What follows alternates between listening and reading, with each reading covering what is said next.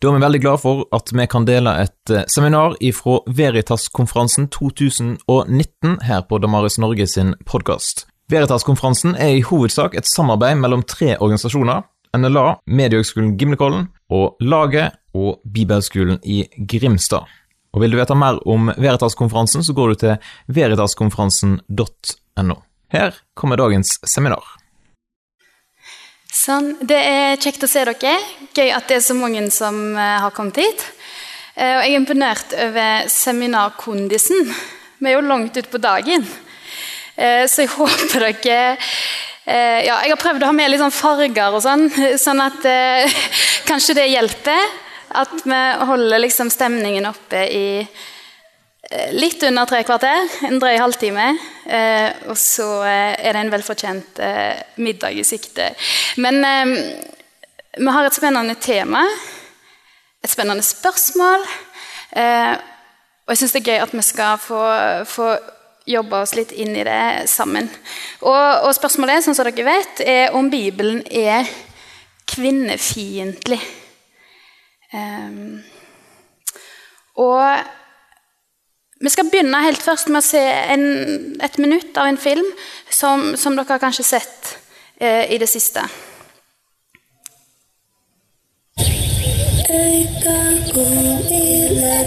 Dette er hennes verden. Hennes liv. Uten valgmuligheter. For på hennes livsvei er det noen andre som bestemmer. Der får ikke jenter gå på skole. Eller velge hvem de skal gifte seg med. I hennes liv har hun ikke lov til å eie noen ting. Ikke engang sin egen stemme. Men med din hjelp kan livet hennes bli annerledes. Gå for at hun skal få muligheten til å bestemme over sitt eget liv.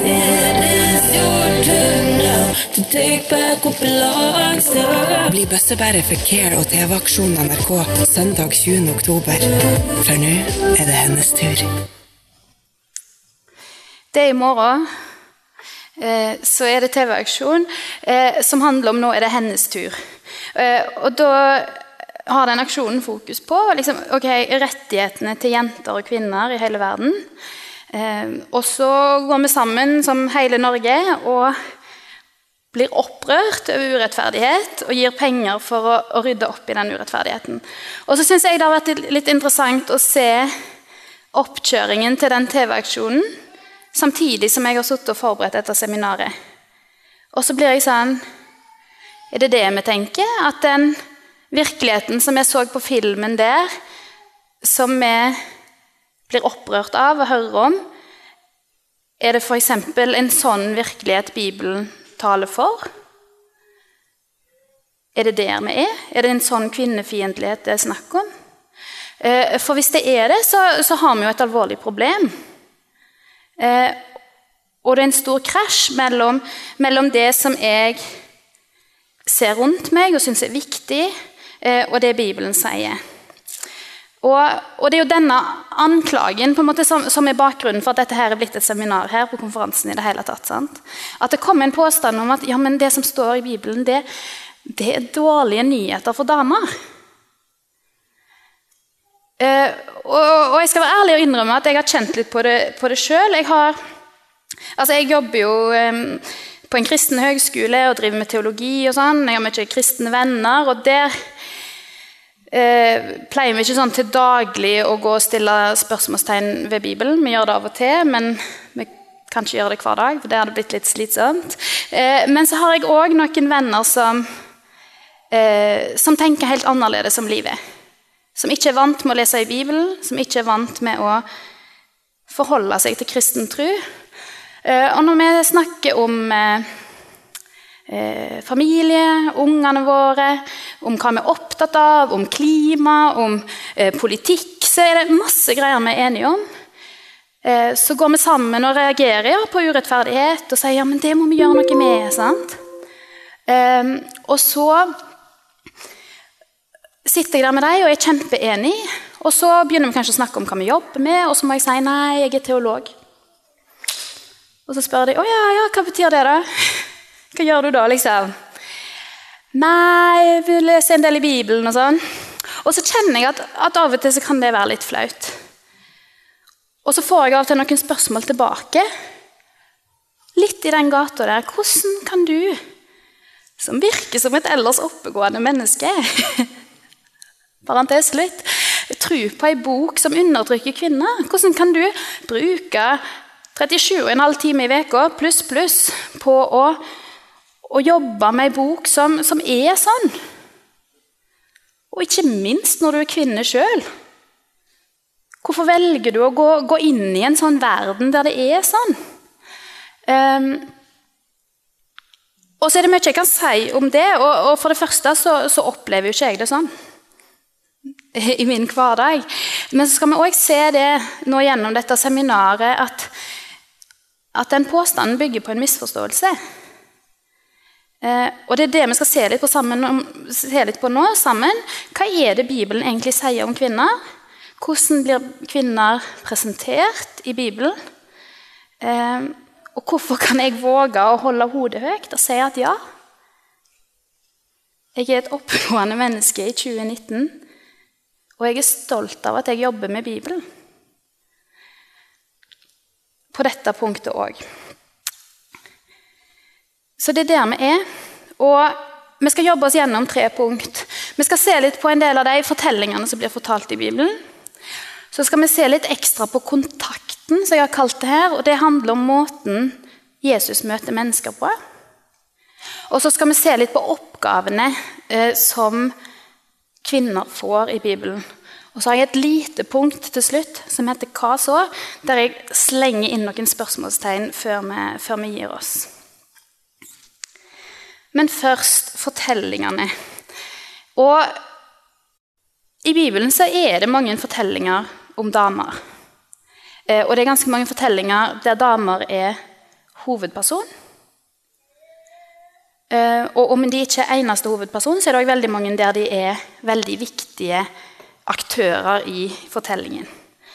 Eh, og her skal vi se på bare noen av de aller største. Det er jo noen som har fått sine egne bøker. Det er noen som er veldig viktige for framdriften i hele fortellingen i Bibelen. Jeg har lyst til å nevne f.eks. Hagar, som jeg leser om i første Mosebok kapittel 16. Og Her skriver jeg at hun er Bibelens første teolog. Nå må dere tenke her, Ta en liten quiz med deg sjøl. Hvorfor kaller jeg det? Hagar er slaven til Abraham. Abraham som i Abraham, Isak og Jakob. Sant? Eh, Abraham og Sara får, klarer ikke å få unger, og så blir de litt stressa. Og så blir de på en måte enige om at Abraham skal prøve å få en unge med Hagar, slaven sin. Så Hagar hun blir gravid, så hun eh, ja, er gravid med ungen til sjefen. og er i en litt sånn kjip situasjon, for det det gjør at Sara, kona til sjefen, ikke liker henne så godt. Eh, og så blir hun jagd av gårde. Og så sitter hun ute i ødemarken, og så blir hun møtt av en engel eh, som kommer og trøster henne og hjelper henne. Og etter at den engelen fra Gud har snakket med Hagar, så sier hun dette. Du er en Gud som ser meg om Gud. Så hun er den aller første personen vi kan lese om i Bibelen som sier noe om Gud. Gud, du er en sånn som. Og det er ganske, eh, ganske sterkt. Eh, og en ting til om, om, den situasjonen der. Hvis vi leser i, i litteratur fra, fra, denne tida, nå er vi jo mange tusen år tilbake i tid eh, Litteratur fra dette området i Midtøsten på denne tida, så ser vi at det er ingen andre fortellinger fra andre kulturer eller religioner der en forteller om noe lignende. Altså at Ei kvinne blir møtt av Gud, en guddom eller en representant for Gud. Det skjer ingen andre plasser. Det er bare i Bibelen at det skjer. Men vi skal videre til noen andre fortellinger. I Det gamle testamentet så har vi Eva. fra helt fra begynnelsen av. Um, skal jeg si litt mer om seinere. Så har vi Hagar, som jeg nevnte. Så har vi Miriam, eh, søstera til Moses. Og henne leser vi om f.eks. i 2. Mosebok 15, etter at Moses og gjengen kom seg over Rødehavet. Så er de glad, for nå er de redda. Og så står det Så tok Arons søster Miriam, som var profet, altså ei som gav videre budskap fra Gud, ei tromme i hånden, og alle kvinnene fulgte etter henne, slo på tromme og danset. Miriam sang i vekselsang med dem. Syng for Herren, for han er høyt opphøyd. Hest og rytter kastet han i havet. Så dere, Miriam, det står om at du er profet, og så fungerer hun som en slags eh, lovsangsleder i en kjempeviktig historisk situasjon eh, for israelsfolket. Eh, så har vi Rahab, som dere kanskje kjenner til. Hun bodde inne i Jeriko der som israelsfolket kom til etter at de hadde gått og gått og gått og godt og godt i ørkenen. Eh, og så kjenner dere gjerne historien at det ble sendt inn eh, noen som skulle liksom, sjekke forholdene litt før israelsfolket kom etter og skulle inn i dette lovede landet sitt. Eh, og da møtte de Rahab, eh, som var prostituert. Så hun hadde ikke en høy status, men hun hjalp eh, disse spionene, sånn at de fikk den informasjonen de trengte, og at de kom seg trygt tilbake, og at til slutt så fikk israelsfolket tatt Jeriko. Og Til gjengjeld for at hun hjalp dem, så ble hun redda, hun ble spart i den invasjonen. Eh, og så endte hun faktisk i slektstavla til Jesus. Eh, så hun er tipp, tipp, tipp, tipp, tipp eh, oldemor til Jesus. Eh, så har vi Ruth. Hun har sin egen bok. En sånn nydelig den, kjærlighetsnovelle eh, om Ruth som eh, Ja, dere kjenner historien. Hun eh, blir enke, går med svigermor si Noomi. De sulter, hun drar ut på marka, så legger hun seg med beina til Boas, og så ender de gift og lykkelig alle sine dager. um, Det er Ruth. Så har vi Ester, som også har sin egen bok. Dronning Ester, som vinner en missekonkurranse når kongen trenger ei kone. Og så eh, bruker hun den posisjonen eh, som hun får gjennom det, til å tale for folket sitt og redde dem fra eh, utrenskning, folkemord. Eh, og så sier hun det veldig siterbare verset om at ja, kanskje det er for en tid som denne, for den, akkurat denne situasjonen, jeg har fått dronningrang. Kanskje det er nettopp pga. at dette skulle skje, at jeg har blitt dronning, for at jeg skal få kjempe for folket mitt i denne situasjonen. Så hun fungerer jo som en politisk leder. Hun er modig eh, og bruker den posisjonen hun, hun får, eh, under de forutsetningene hun har. Eh, så har vi òg Debra, som, er, som, står, som, det står om i dommerne. Og hun er dommer, og det er en slags eh, lederposisjon. Utnevnt av Gud. Eh, og så er hun òg krigsgeneral, så hun er militæret. Eh, så dette er noen, kanskje noen av de mest tydelige kvinnefigurene vi blir godt kjent med i Det gamle testamentet. Um, og så er det veldig mange menn òg. Men vi blir godt kjent med disse, og, og de er gode forbilder på hver sine, sine punkt. Men så skjer det òg mye eh, vondt i Det gamle testamentet. Det er mange historier om kvinner som blir misbrukt og utnytta. Og, og, når vi leser de tekstene, så, så, må vi tenke litt sånn som vi gjør når vi leser Gamle testamentet generelt. At det er ikke sånn at alt som står i Bibelen, er et eksempel til etterfølgelse. Eh, det er mye fortellinger i Det gamle testamentet som en del av den store historien om hva det vil si å være menneske, og hva det vil si å være et menneske som kjenner Gud. Eh, Og da er de tragiske historiene der òg en del av det. Eh, men det betyr ikke at Bibelen legger opp til at det er sånn vi skal oppføre oss.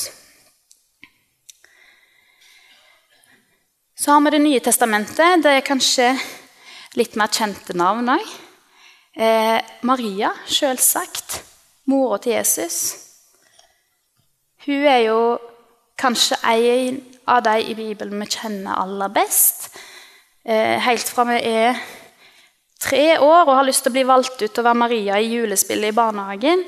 Og gjennom eh, alle julesangene og, og, etter hvert som vi blir kjent med Maria som person, så ser vi at hun hadde nok et veldig krevende liv, et veldig spennende liv, og hun var med på veldig mye viktig.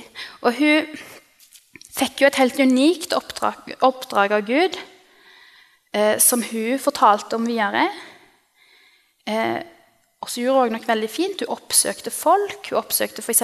Elisabeth, mora til Johannes døperen. De var gravide omtrent samtidig. Og, og fikk støtte der òg av ei annen kvinne. Um, og så um, tok hun det oppdraget som hun, som hun fikk av Gud.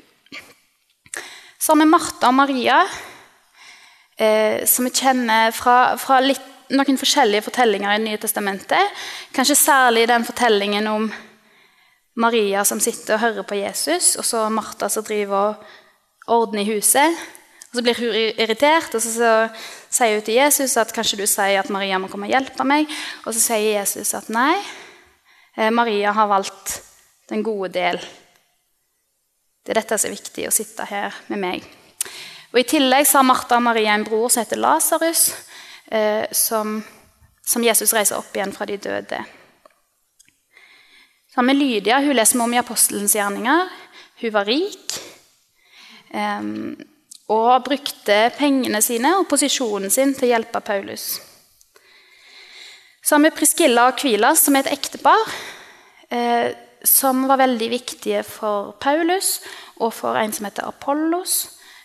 Eh, de lærte opp han. Og når det står om dem i Bibelen, så, så, står alltid navnet til Priskilla først, altså dama.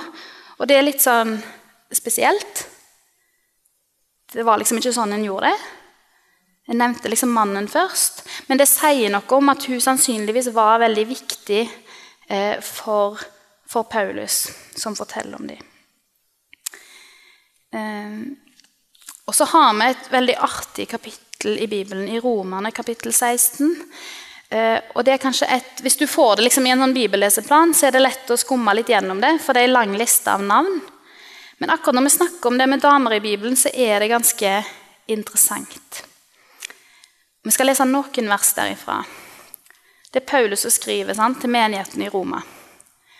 Jeg anbefaler vår søster Føbe for dere. Hun er en diakon fra menigheten i Kenkrea. Ta imot henne i Herren slik det sømmer seg for de hellige. Gi henne den hjelp hun måtte trenge av dere, for hun har selv tatt seg av mange, også meg. Hils Priska og Kvilas, det er de samme som jeg nevnte i stad, mine medarbeidere i Kristus Jesus. De satte livet på spill for min skyld, noe ikke bare jeg, men alle hedningekristne menigheter takker dem for. Hils Maria, som har arbeidet så mye for dere. Hils Andronikos og Junia, mine landsmenn, som har sittet i fengsel sammen med meg. De har et godt navn blant apostlene og kom til tro på Kristus før meg. Så fortsetter han å nevne både kvinner og menn, bl.a. ei dame som han sier har vært som ei mor for han. Eh, men han nevner altså ei rekke personer og eksepsjonelt mange damer som har, har vært veldig viktige for Paulus i hans tjeneste. Og så hadde jo jeg likt å fått hørt mer. Sant? Jeg blir jo litt sånn nysgjerrig. Sånn som hun der, Vår søster Føbe, hun er en diakon fra menigheten. Eh, ja, hvem var hun, liksom? Hva gjorde hun? Vi vet at det å være en diakon det var en lederoppgave. Litt sånn administrativ ansvarsoppgave. Så hun hadde en sånn rolle. Eh, og så sier Paulus at hun har tatt seg av mange, og han. Så vi aner at dette var en viktig person, eh, men vi får liksom ikke høre, høre mer. Dessverre.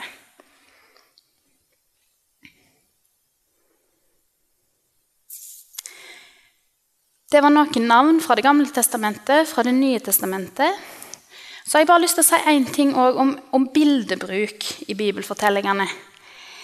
Eh, for vi er gjerne vant med å tenke på Gud som, som mann. Det er Gud Faderen. Det er han. Han blir Jesus som en mann.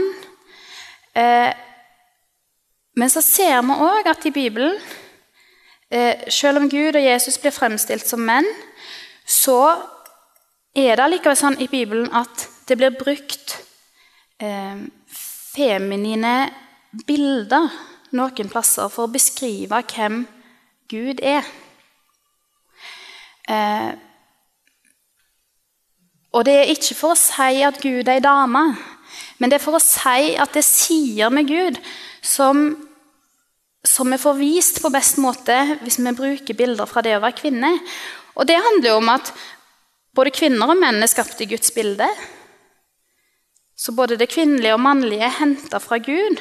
Så selvsagt skal vi bruke både det kvinnelige og det mannlige for å få, få vist hele bredden av hvem Gud er. Og for så er det et nydelig vers i Isaiah 49 der det står Kan en kvinne glemme sitt diende barn, en omsorgsfull mor, det barnet hun bar? Selv om de skulle glemme, skal ikke jeg glemme deg. Så der er det altså Tror dere at ei mor klarer å glemme det barnet som, som, som ligger her og blir amma? Tror dere ei omsorgsfull mor klarer å glemme det barnet som hun har båret fram og tatt vare på, som har vært helt avhengig av henne? Tror du hun klarer å bare glemme det? Nei, vi tror ikke det. Men så vet vi at, at vonde ting skjer, og så, og så følger Bibelen opp med at ja, om vi kan tenke oss at det kunne gått an, så klarer ikke Gud det. Han glemmer ikke oss. Og han har den typen omsorg eh, for mennesker.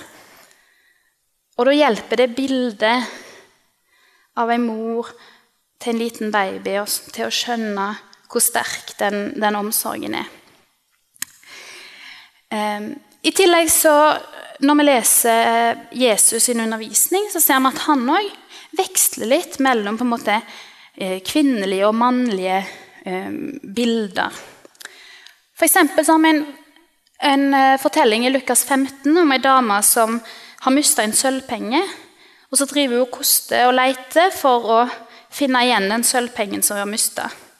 Og så står det sammen med en, en annen variant om en gjeter som hadde 100 sauer, og så han mista én. Og så går han og leter etter den ene. Og så er begge deler illustrasjoner på hvordan Jesus leter etter de han har mista, hvordan han har lyst til å ha alle til seg. Og Da bruker han ett bilde fra liksom et sånn manneyrke, gjeteryrke, og så bruker han ett bilde fra en kvinnehverdag. Eh, heimen og, og, pengene. Så ser vi det samme eh, i, i, Lukas 5. Så har han eh, bruker han et bilde som handler om å tømme vin oppi skinnsekker. Det var en sånn manneoppgave. Og så sier han noe lignende om å lappe klær, eh, som på en måte er kvinneoppgave. Så bruker han to ulike bilder for å få fram samme poeng. Sånn at alle som hører på, skal skjønne at ja, ja, det der vet jeg hvordan er. Ja, det der gjorde jeg jo i går. Ja, selvsagt må det være sånn. Eh, og så kjenner vi oss igjen. Eh, og så er han en god pedagog da, på den måten for å passe på at alle har noe de, de henger med på. Og Dette sier noe om at Jesus forventa ikke at de som hørte på han bare skulle være menn. Og det var ikke sånn at han tenkte at ja, men det er bare liksom sånn manneting som, som er Uh, altså Det er bare en manneverden, mannespråk, som kan brukes for å snakke om Gud og snakke om teologi. Nei, han tenkte nå tar jeg ting fra folk sin hverdag, både kvinner og menn. Eh, og så bruker jeg det for å vise dem mer av hvem jeg er, og, og hva hele kristendommen handler om. Greit. Da skal vi gå litt videre til å si litt om måten Jesus møtte mennesker på. Um, og Der har vi en, en artig fortelling altså, i Johannes 4, der Jesus møter ei samaritansk kvinne ved en brønn.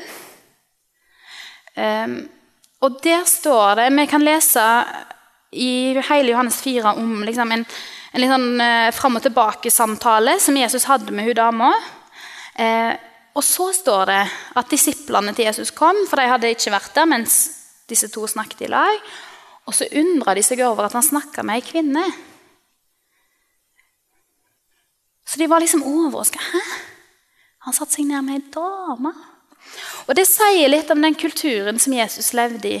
At det var ikke forventa at Jesus som mann og som lærer og leder skulle sette seg ned og snakke med ei kvinne. Det var forventa at han skulle gå fint forbi. Men han brydde seg ikke om det. Han var interessert i mennesket og syntes at hun her var viktig og ville snakke med henne. Og så er det flere ting i denne historien, for dette var ei dame som hadde ganske låg status. Både pga. livet hun hadde levd, og pga. Eh, bakgrunnen hun kom fra. Um, men i tillegg så var det altså bare det i seg sjøl, at hun var kvinne. Det var det disiplene reagerte på. Uh, men Jesus viser aldri tegn til at han tenker at dette er problematisk. Uh, for han er interessert i mennesket. Så vi ser at Jesus han eh, snakker mye med damer. Og det kan virke litt sånn teit for oss.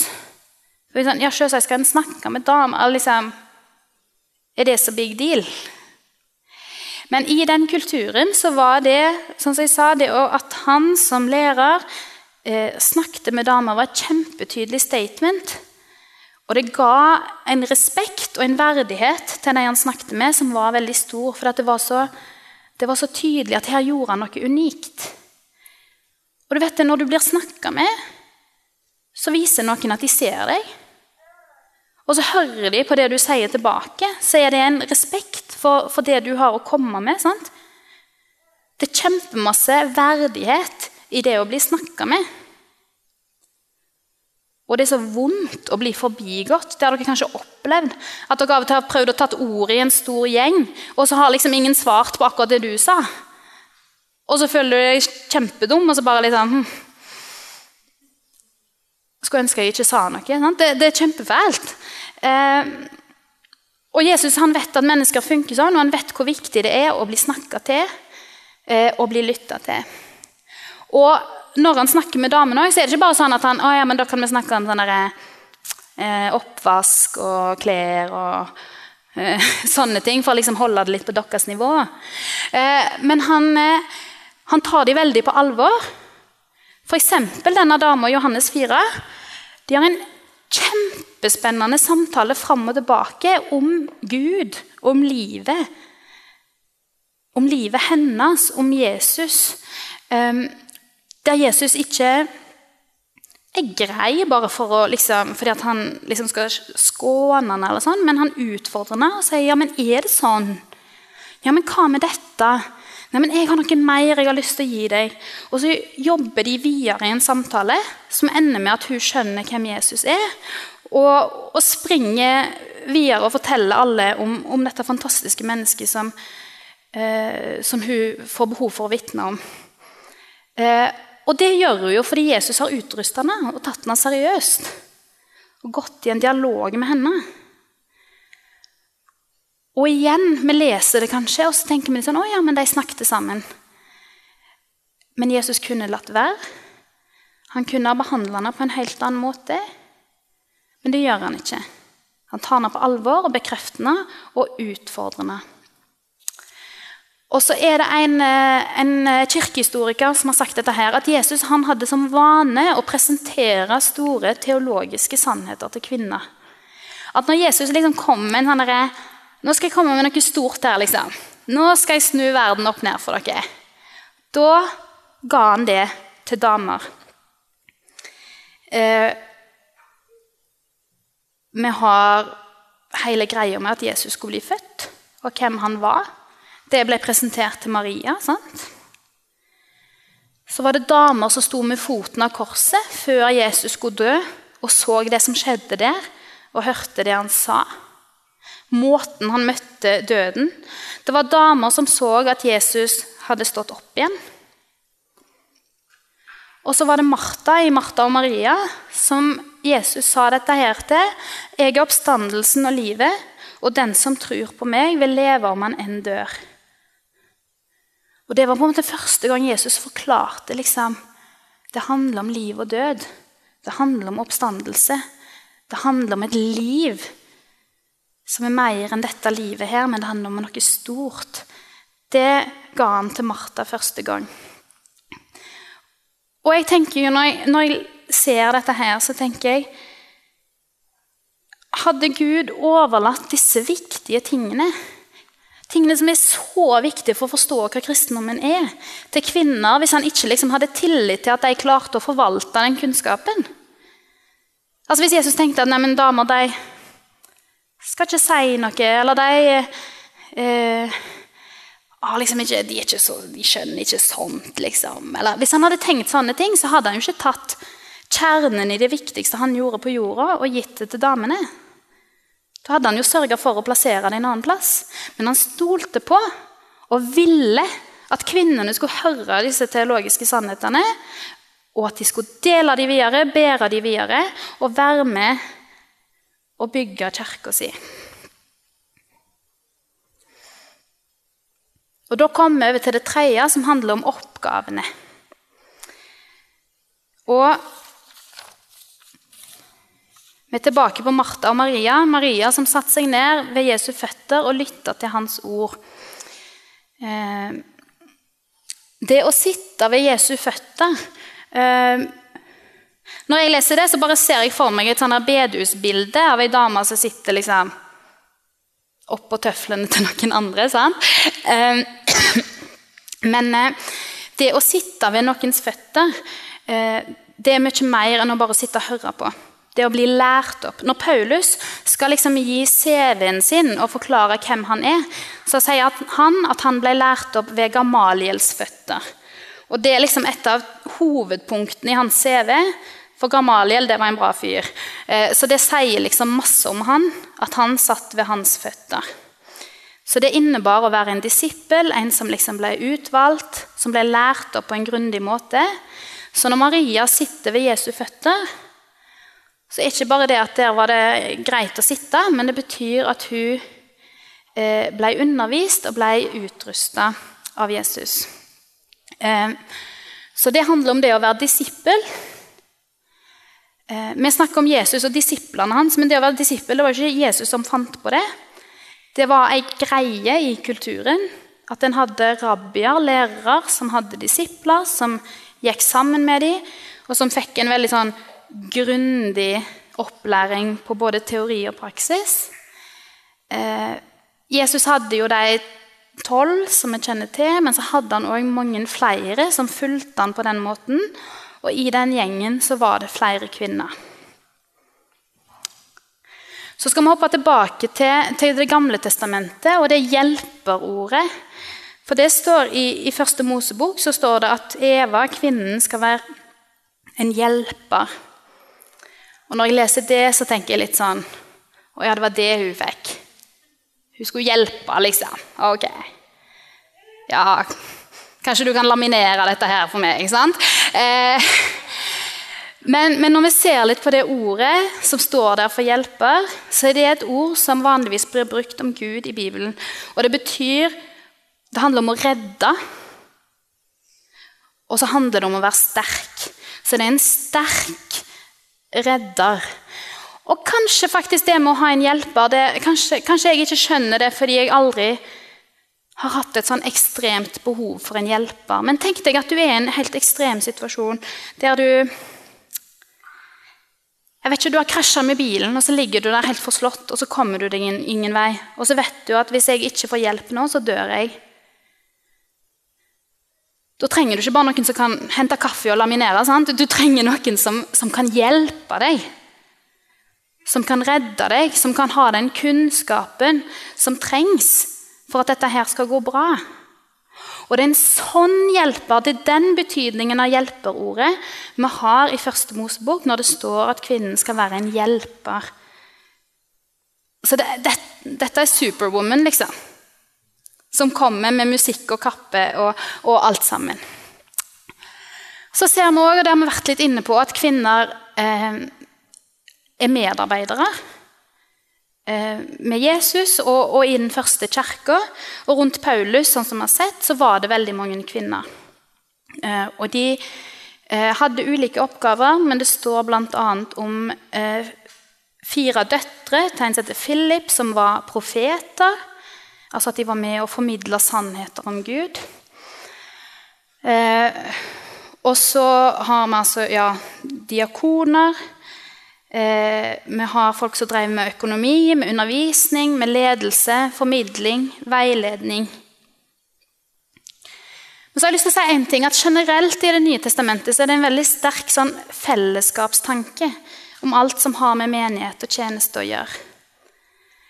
Eh, og de var nok flinkere enn vi er ofte til å tenke at det vi gjør som kristne, det er et fellesprosjekt. De jobbet i team. Eh, og Da ser vi at kvinner fant sin helt naturlige plass i disse teamene, og så gjorde mennene det òg. Ja, se der. Da må vi snart gi oss, men det passer bra. Eh, ja, De tenkte i team. Og for eksempel, Hvis vi ser på Paulus, som vi ofte ser på som en sånn misjonsleder, sant? høvding, en av de skikkelig store en av heltene, så ser vi at i tekstene om han og i det han sjøl skriver, så er det nevnt over 50 personer med navn som var avgjørende for hans tjeneste, som sto i hans gjeng. Og som var helt nødvendige for at han skulle gjøre det han gjorde. Så Paulus var ikke et sånn soloshow. Han var en turnébuss eh, med mennesker som bidro med hver sine ting. Eh, og det var sånn de tenkte tjeneste. Og så er det litt sånn kjipt igjen at vi på en måte får en fortelling som, som ikke gir oss alt det, men når vi leter etter det, så finner vi f.eks. de 50 navnene, og så ser vi at han trengte alle de. Og hvis ikke de hadde brukt sine gaver, ressurser, hvis de ikke hadde stilt opp der de skulle, så hadde ikke historien blitt sånn som den ble.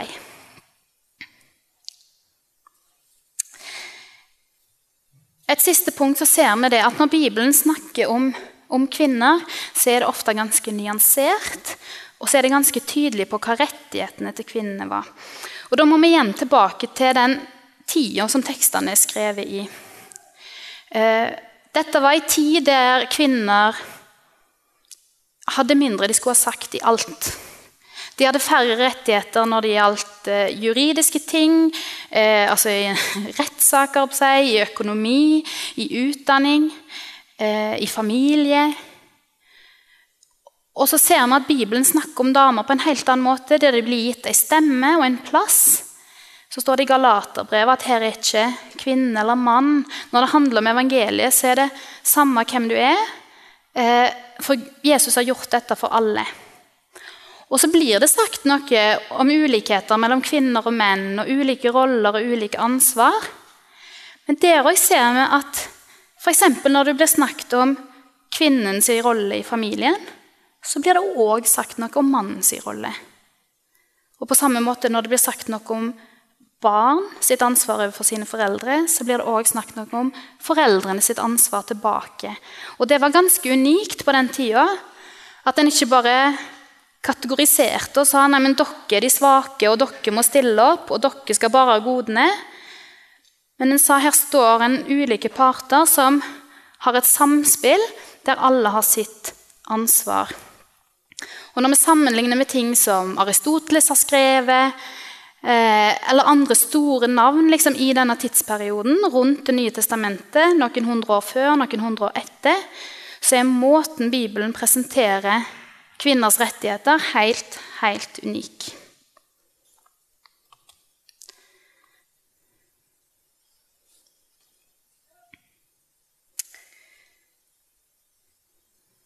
Til slutt, hva så?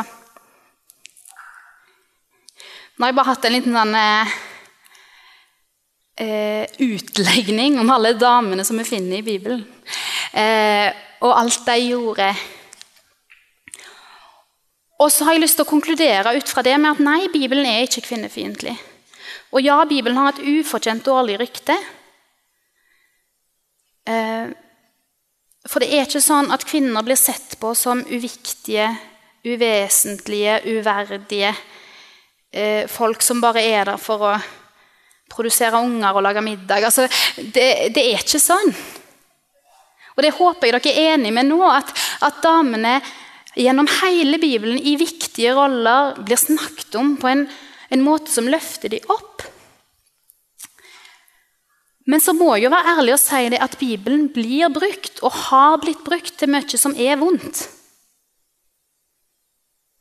Og det er mange vonde historier om at kvinner har følt de har blitt satt til side. Eh, I kristen sammenheng, gjennom kirkehistorien, i de kulturene der kristendommen har stått sterkt, så har kvinner hatt lavere rettigheter enn menn. Vi har ferske erfaringer. Kanskje dere har erfart ting sjøl i møte med kristne. Um, og så er det én ting at jeg sier at ja, for Det gamle testamentets tid eller for Det nye testamentets tid så snakker Bibelen om kvinner på en helt unikt sterk måte. Altså, Paulus er feminist i sin tid. Og det er sant. Men så er det ok, men, men han er jo kanskje ikke feminist i vår tid. Og hvordan forholder vi oss til det? Og det har ikke jeg tenkt å svare på i dag. Sorry for det. Eh, men, men jeg hadde lyst til å ta det med. For jeg vet at noen av dere sitter med det spørsmålet nå. Hvor, hvor går vi videre fra dette? Men det er et helt annet spørsmål som handler om tolkning. Om hvordan vi tar ting vi leser i Bibelen, og bruker det på oss sjøl og på menighetene våre i dag. Eh, og Der er det veldig mye vi kunne ha sagt. Men jeg tror allikevel, selv om vi kanskje sitter igjen med noen spørsmål, så kan vi ta med oss det at Bibelen løfter fram damene. Og når vi skal gå inn i de andre samtalene om kvinners rolle i menigheten, eller om kjønn generelt, forskjellen på menn og kvinner, eller om ja, sant, hva det skal være, eh, status og rettigheter, eh, så blir den samtalen litt skeiv hvis utgangspunktet er at vi tenker at Bibelen er ei patriarkalsk eh, drittbok. um, Og Av og til så kan det virke som at, at, samtalen starter litt der. Så Derfor er det vi har gjort nå, kjempeviktig for at vi skal ha en sjøltillit og en bibeltillit på at Bibelen løfter opp kvinnene. Og så kan vi ha det som et grunnlag eh, når vi skal snakke videre om, om, hva dette betyr for meg eh, i dag. Og Der har vi noen få sekunder igjen, så da sier jeg takk for meg. Kjekt at dere var her. Takk for at du lytter gjennom dette seminaret her. Og Skulle du ønske at flere fikk med seg det gode innholdet, ja, da kan du jo faktisk dele seminaret med noen, eller tipse dem om seminaret i sosiale medier. Vi setter jo veldig stor pris på om du har lyst til å skrive en anmeldelse av Damaris Norge sin podkast på de ulike podkastplattformene. Da hjelper det oss å løfte podkasten opp, sånn at flere får nytte av den. Jeg vil også nevne at eh, du kan ha mulighet for å kjøpe diverse bøker via nettsida snakkomtro.no, der flere av de som eh, var med på Veritas-konferansen, har sine bøker tilgjengelig der. Så sjekk ut Snakk om tro, og kjøp gjerne ei bok eller to.